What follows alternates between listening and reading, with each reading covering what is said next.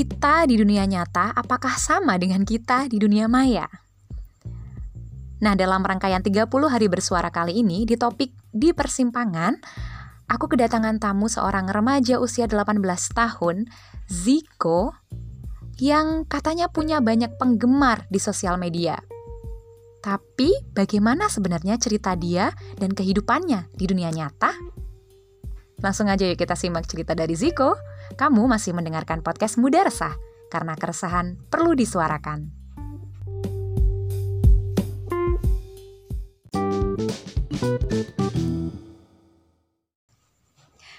Tiga puluh hari bersuara di topik di persimpangan. Uh, topiknya topiknya bermakna luas dan blunder sih sebenarnya. Jadi hari ini ada seorang remaja anak SMA SMK. yang oh, oke anak SMK bisa. Anak SMK yang di hari-hari ini itu lagi ada di fase star syndrome gitu ya. Jadi dia sedang menikmati momen-momennya menjadi seorang bintang. Katanya sih banyak yang bilang mirip Brian Domani mirip mirip Gus Azmi yang cita-citanya yang cita-citanya pengen jadi anaknya Zain Malik Mantap. sama Gigi, Hadid. Gigi Hadid. Hai Zik, Halo. Ziko Nobrian di Kaputra. Hai, beri tepuk tangan dong. Instagram berapa followers? 14 ribu masih kan. Gila, 14 ribu cuy untuk ukuran anak desa. TikTok TikTok eh, 336 ribu. 336 ribu bisa dijual nggak sih? yang kayaknya udah sering muncul di FYP-nya orang-orang ya. Of course. Iya, meskipun aku nggak tahu kayaknya rubbish semua sih kontennya. Oke, Nggak, jadi hoax, hoax itu. eh Zik Hmm. udah siap ya ngomong di sini. Udah siap viral. Ntar Iya. awas ya kalau followersmu nggak dengerin podcast berarti mereka bukan followers sejati. Jadi kalau lihat postingannya Ziko ini ya, apa pun ya dia posting, Iya. apa pun tuh yang komen-komen tuh buh rimiji rimiji dari belahan dunia lain gitu. Aduh jodohku jodohku. No. Gimana sih Zik rasanya dapet uh, atensi kayak gitu di dunia maya? Ya sebenarnya yang pasti juga seneng ya, cuma ada risi-risinya juga sih soalnya Oh iya masa? Iya, soalnya gimana ya? eh kalau misalkan ya kita ini lagi nggak punya waktu buat nanggepin mereka. Di sisi lain kalau kita nggak nanggepin mereka juga dibilang sombong gitu kan kayak Engagement kita turun. harus ya kita harus menjaga nama kita agar tetap baik gitu loh Hmm. di depan mereka itu gimana pun caranya oke Jadi eh, dalam rangka menjaga nama baik meskipun kamu nggak nyaman untuk iya balesin. cuma cuma sebenarnya ya lebih ke senengnya juga sih. Nggak kebayangkan kalau misalkan ngepost ginian eh, dulunya kan nggak rame sama sekali sih kayak orang-orang ya misalkan aku ngepost kan kayak orang-orang biasa aja dulu kan. Kalau Ah. sekarang lebih ke banyak bisa dibilang fans lah tapi eh, teman-teman aja gitulah. Mm-mm. Biar ya lebih ya halus suka ya ya. Ya demen demen banget sih sebenarnya. Cuma ya kalau mereka terlalu kayak agresif. agresif gitu Iya, juga iya, ya iya. risih pastinya Mm-mm. Tapi banyak yang agresif sih kayaknya. Iya. Tapi oke ya, selama followers makin banyak aman ya, Amin, endorse makin banyak aman. amin amin aman aman Nah, eh, jadi ini kalau aku mau highlight ya, Iya, ini iya. tuh berhubungan sama gimana Hmm, anak-anak muda sekarang itu membranding dirinya sendiri di dunia maya. hmm, oke gitu kamu kalau secara teorinya ini nggak sih pernah baca nggak sih bagaimana kita membangun citra self branding gitu di dunia maya nggak pernah sih nggak pernah sih tanpa teori yang penting Iya. bikin konten aja gitu ya iya so apa namanya berawal dari So- iseng ini sebenarnya so kan cari at- Iya, atensi dan tebar-tebar pesona akhirnya dapet iya. dapat banyak nyari followers. apa yang mereka suka gitu aja sih Oh, sebenarnya oke. dari semua atensi yang didapat di dunia maya gitu ya Mhm. Zik ya itu Iya. eh, bagian dari self branding bagaimana kamu mencitrakan diri Heeh. di sana. Hmm. Jadi kamu mencitrakan diri cowok yang tebar pesona gitu sebenarnya. Atau gimana? enggak sih lebih Jadi ah, tujuan gak sih? Maksudnya di set gak sih sebenarnya? enggak lah sebenarnya awalnya itu nyari apa yang sebenarnya waktu itu atau hari ini viral gitu ending ending apa kok ending ending sih apa kayak akhir-akhir ini viral Ah, gitu kan ya di hari-hari terus, ini terus ya dibahas. kita bahas aja sih terus kayak kita bikin lelucon apa yang mereka suka gitu kan tapi lama-lama kayak eh, ada beberapa komentar dari netizen yang kayak kak kak ganteng banget gitu kayak contohnya. Kak, ini udah part Iya, mulai iya. mulai menyebalkan ya mohon maaf kayak misalkan mereka muji tentang uh, kita Fisik. ya fisik Mm-mm. atau apa gitu mulai kayak ada rasa pengen ah kayaknya ada baiknya juga sih nunjukin kegantengan ya kayak gitulah jadi jadi diterusin Iya. oh enak juga nih dipuji yang gitu ya. penting yang penting jangan konten yang kayak misalkan berbau tentang terlalu sensitif gitu kita bahas kayaknya mereka juga ya agak risih juga sih sebenarnya tapi jadi bukannya waktu itu pernah bikin konten sensitif sampai di Oh, band dua iya kali sih, kan iya iya. Makanya itu jadi pelajaran sih. Eh, itu konten yang sebenarnya mem- bisa dibala, di- bisa dibilang kayak balas-balasan sama orang itu cuma ya nggak usah diulangin lagi lah. oke berarti pernah di band Iya. dua kali Karena salah di TikTok ya. Iya. Nah, jadi pelajaran dong untuk lebih hati-hati. Mm-mm, tentu buat teman-teman juga ya jangan konten sensitif lah, lebih yang Mm-mm, nggak usah diikutin ya. informatif atau menghibur aja ya. Mm-mm. Dapat pelajaran dari dunia maya di dunia nyata juga kan. Oke, iya tentu. Oke. Nah, dari semua eh, mungkin yang diketahui dari seorang Ziko di dunia maya Hmm, sampai muncul kemudian suatu hari Hmm. ada konten yang mungkin beda gitu ya sama di No. hari-hari sebelumnya. Why no? Kamu sendiri yang publis. Ada satu konten di TikToknya dia Iya. Yang awalnya sebenarnya aku nggak tahu, baru kemudian dikasih tahu sama temen. Iya. Di situ curhat mengharu biru, yang ada pernyataan bahwa "Eh, selama ini aku bikin konten lucu-lucuan supaya kalian seneng sambil sambil nangis darah. Sebenarnya aku punya masalah berat. Sama kas kasih caption apa waktu itu? Ya Allah give me more Give power. apa? Power. Aku sebenarnya punya banyak masalah yang kalian nggak tahu Iya, iya. dan nggak tahu nggak mungkin juga aku cerita ke kalian karena Iya. kalian nggak mungkin bisa bantu kayak gitu nggak Hmm. sih kalimatnya? Iya, almost iya, Iya kayak gitu. hampir bener lah ya. Kayak gitulah. So Hmm. ada apa? Apakah itu settingan supaya dapat atensi yang lebih? No. Yang ternyata postingan itu eh, atensinya lebih sedikit ya kayaknya Iya. daripada konten sebelumnya. Ya nggak nggak nyari 40 attention juga kalau waktu itu cuma sebenarnya postingan itu aku buat pas memang lagi ada masalah karena every family has their own problem. Oke. Dan saat itu uh, aku lagi di posisi emang down banget. Karena ya biasa kan ya kak di masa-masa kita lagi apa di masa-masa kita remaja dan kayak ngadepin orang tua kan semakin kita sadar bahwa sebenarnya masalah keluarga itu nggak bisa kita abaikan gitu kan ya. Hmm. kita harus bertindak dewasa dan kayaknya mental aku sih sebelum sebenarnya belum siap ya. Padahal jujur ya ini sharing ke teman-teman.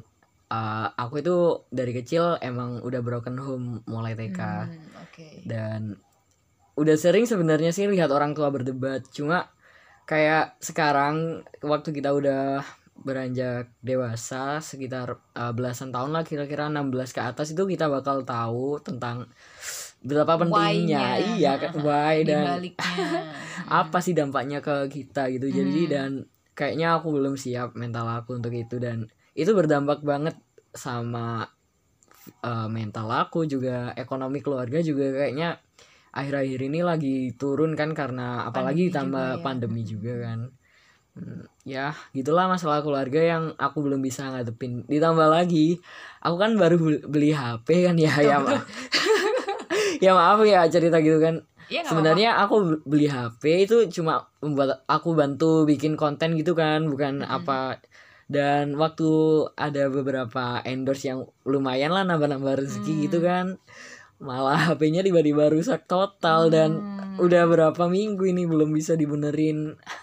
Dan ada esensi crime gak sih? Ya. Iya. Mm. jadi ya gitu eh selain mental kurang kuat ya pikiran juga masih wah, labil. iya masih labil dan stres banget hal oke. karena harus banyak yang aku lakuin dan uh, pikirin ke depannya gitu. Jadi aku mau share aja sih mau uh, sekedar pamit doang sebentar dari sosial media waktu itu biar kalian teman-temanku nggak nyariin Iya, jadi untuk uh, teman-teman apa fans? ya dua-duanya lah. dua-duanya teman-teman dan fans-fansnya Ziko Iya, ya. Yang mungkin Ziko harus slow respon di hari-hari ini, mohon dimaklumi karena HP-nya lagi rusak. Iya. Jadi jangan di ini, aduh Kak Ziko sombong banget, aku nggak dibalas nggak di notice gitu Iya. kan. Mungkin ada banyak hal yang kita nggak tahu Ziko sedang ngapain dan apa Iya. yang dihadapi di dunia nyatanya Hmm, gitu kan. hmm. gitu Oke, dan kalau eh, tadi kamu udah bercerita tentang dari pengamatanku kamu di dunia maya Hmm. dan dari apa yang kamu rasakan sebenarnya di dunia nyatamu Hmm. gitu.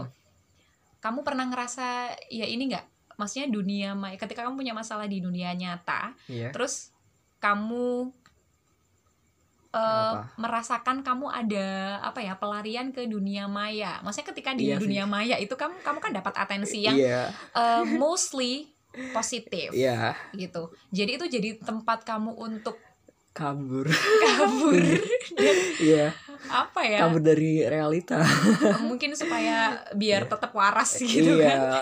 Kaburnya Hmm. ke ke jadi dunia maya Hmm. Hmm. Jadi menurut kamu atensi publik itu penting? Eh, buat aku sih penting nggak Oke. tahu buat eh, influencer atau orang-orang lainnya tapi Hmm.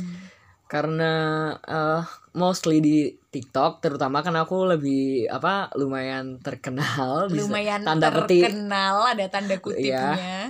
terkenal di TikTok kan ya jadi eh, mostly of them itu bang, baik banget mereka itu kayak Hmm. selalu support walau ada sesuatu yang kurang lucu atau apa mereka tuh kayak Hmm. pasti support dan positif jadi eh kaburnya ya ke situ sih kalau di dunia maya ada masalah dan selain Hmm. itu kan eh, sudah jadi seperti tanggung jawab aku untuk membuat konten bisa dibilang tanggung jawab kan ya kayak buat Hmm. konten lucu yang bisa menghibur mereka di sisi lain kalau respon mereka baik juga aku juga ikut sen- seneng kan juga bisa Hmm. ngelupain kayak masalah-masalah di dunia nyata gitu sih Oke, ini akhirnya eh, aku jadi tersentil untuk membahas istilah influencer gitu. Di usia Hmm. kamu, kamu pasti kan berarti pasarmu adalah teman-teman di usiamu juga. iya sih Ketika kamu punya banyak followers, banyak teman di dunia maya, akhirnya kayak yang kamu bilang tadi, jadi lama-lama kayak punya tanggung jawab moral untuk ngasih mereka sesuatu yang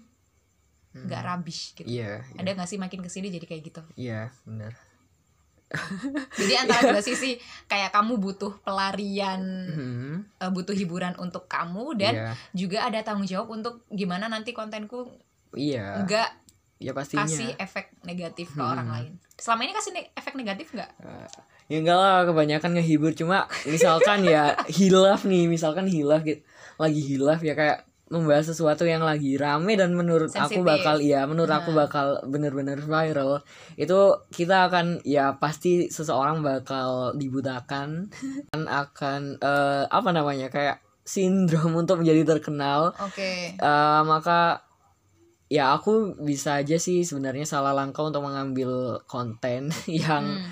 bakal viral cuma berbau negatif ya itu sih yang buat pelajaran juga sih jangan sampai kayak gitulah lebih lebih dewasa lagi dalam memilih konten walau itu bisa bikin kita terkenal bukan berarti itu bisa dilihat dan dipublikasikan untuk dilihat orang banyak dan itu bakal berdampak negatif lah intinya kalau kita salah memilih konten.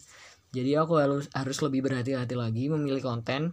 Dan sekarang eh, karena kan di TikTok juga di aku bahasnya TikTok ya. Hmm. jadi di TikTok itu juga ada pelanggaran kan kayak misalkan kita membahas sesuatu yang berbau perundungan kayak berbau eh, pelecehan itu Mhm. bisa dilaporin dan itu bisa bikin akun kita hilang juga jadi Mhm. selain tanggung jawab untuk menghibur orang kita juga harus hati-hati agar ya biar akun gak hilang lah kan sia-sia nanti udah beberapa bulan bikin Udah followers eh, apa sih Lumayan. ya followers ya? ya followers banyak. sudah lumayan malah kita salah konten akun Mhm. kita hilang kan eman-eman kalau orang Jawa bilang kan Hmm. Nah, terus aku lihat kontenmu yang yang postingan Instagram ya, karena aku bukan Hmm. anak TikTok. Ya, oke, aku oke. tahunya yang di Instagram. Hmm.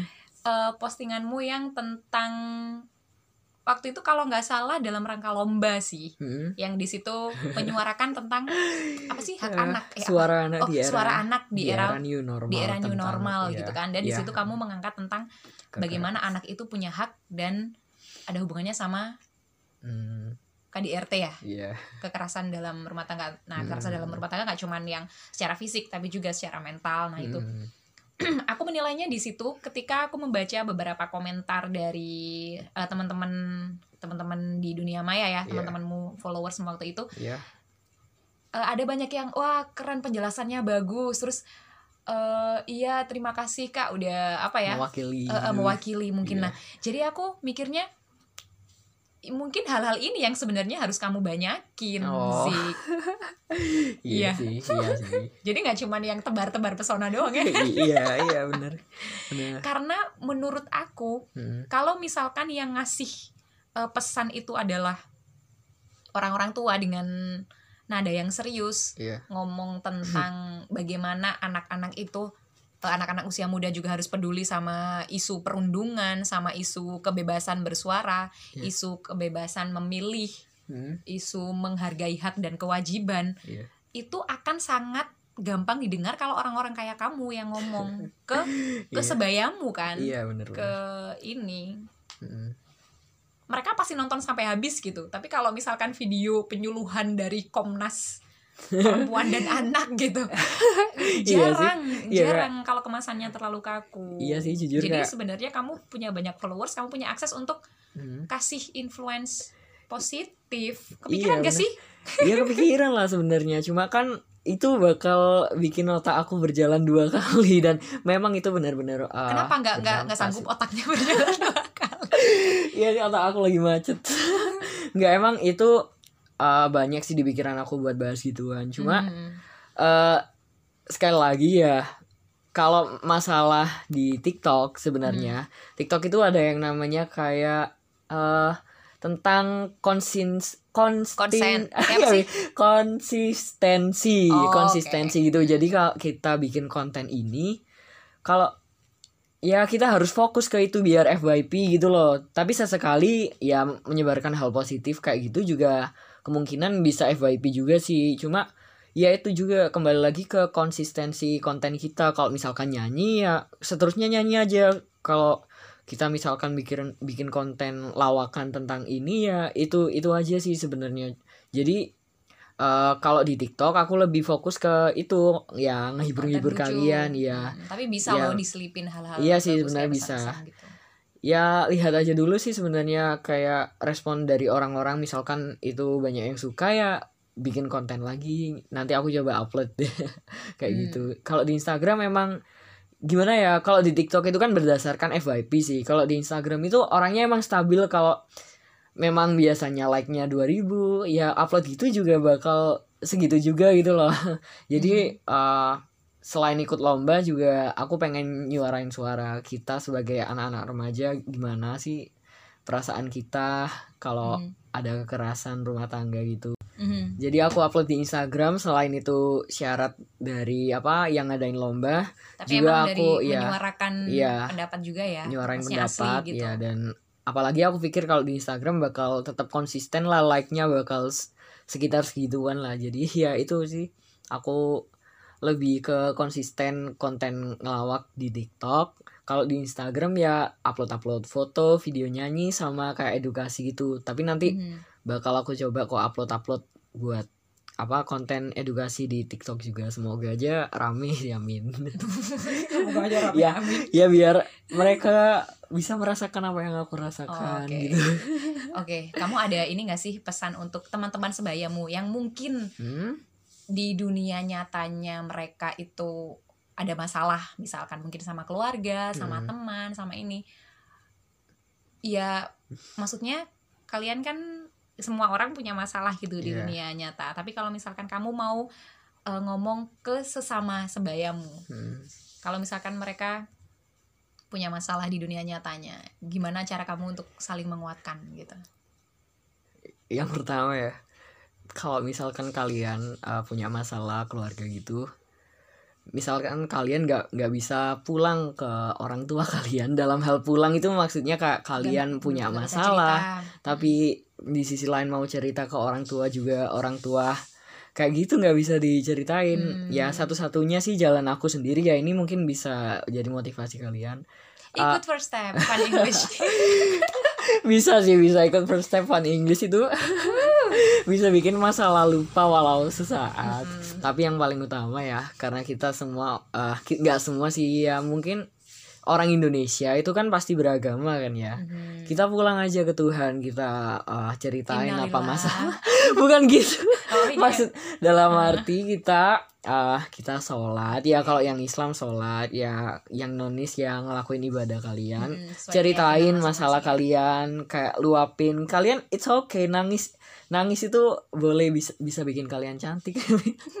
Nggak lah nggak nangis itu ya manusiawi lah ya. Kalian bisa nangis ke Tuhan. Yang utama sih kalau misalkan orang tua emang nggak bisa ngerespon kita ya Mhm. Pastinya Tuhan kita kita luapin cerita kita. Yang kedua kalau misalkan udah emang eh, kayak frustasi banget kita butuh seseorang kalian kan pasti punya sahabat sih. Nggak mungkin lah walau walau kalian apa dijauhin orang tapi Introvert kalian gitu ya. pasti pasti punya seseorang yang kalian percaya untuk diceritain. Cerita aja pasti eh, dia bakal bantu kalian dengan segala usahanya cerita apa kayak masalah kalian itu luapin semua. Kal- karena kalau kalian mendem itu malah bahaya ya. bahaya juga. Jangan sampai kalian uh, bunuh diri karena nggak ada gunanya. Bunuh diri nggak nyelesain masalah oke? Jangan sampai kalian mikirin hal yang kayak gitu. Kalian lebih baik ah berpikir dewasa. Kalian harus gimana? Karena kita sebagai uh, teman-teman sebayaku ya kita udah mulai dewasa dan kita harus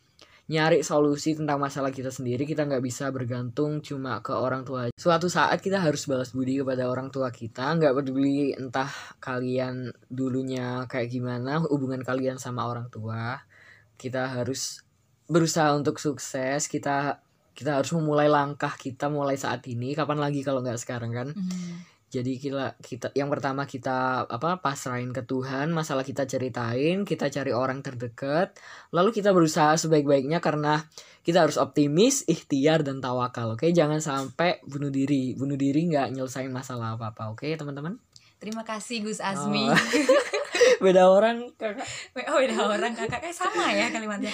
Oke itu tadi eh, pesan dari Ziko. Jadi ini bukan ceramah ya Iya. tapi berbagi eh, cerita karena Ziko juga nggak mulus-mulus aja gitu hidupnya tidak seperti yang kalian lihat di sosial media ada banyak hal yang eh, mungkin kalian nggak tahu dari Iya. seorang Ziko jadi Hmm. ini berbagi cerita dari rekan sebaya gitu ya Oh, iya. dan pas dan apa pun masalah yang kalian hadapi yang kita hadapi kita tuh sebenarnya nggak pernah sendiri Hmm. gitu dan pasti ada ada solusinya yang penting kita cari dan jangan stuck gitu Yep. selalu eh, diupayakan kita menemukan circle positif ya Yep. positif dan suportif jadi jangan yang cerita ke orang ya Iya. pilih juga siapa orang yang kita ceritain jangan Hmm. sampai kita cerita ke orang tapi ternyata dia mengarahkannya ke hal yang nggak bagus Iya. gitu kan Hmm. oke Zik thank you ya Iya, makasih juga. kita tertunda-tunda terus mau ngobrol gara-gara hujan Iya. deras. Oke, jangan Oh. lupa eh, Instagram masih mau dipromotin. Udah kebanyakan kan? Gak usah Nggak, ya. nggak apa-apa sih, nggak apa-apa. Follow aja at Ziko Novriandika 2, oke? Apa-apa. Oke, thank you banget di topik eh, persimpangan kali ini mengangkat cerita dari seorang Ziko, Iya. eh, star ya, star TikTok dan Instagram dengan banyak followers yang sedang hari ini sedang memi- mendapatkan banyak atensi dari rekan-rekan sembayanya. Hmm. tapi ternyata dia juga punya cerita lain di dunia nyata. Hmm. Thank you Zik. Iya, eh udah tahu tagline-nya? Udah tahu tagline-nya podcastku belum? Apa? Kalau aku bilang mudah resah, kamu bilang karena keresahan perlu disuarakan. Oke, oke, oke. Oke. Oke. Kita akan ketemu lagi di episode berikutnya di Mudah Resah. Karena keresahan perlu disuarakan.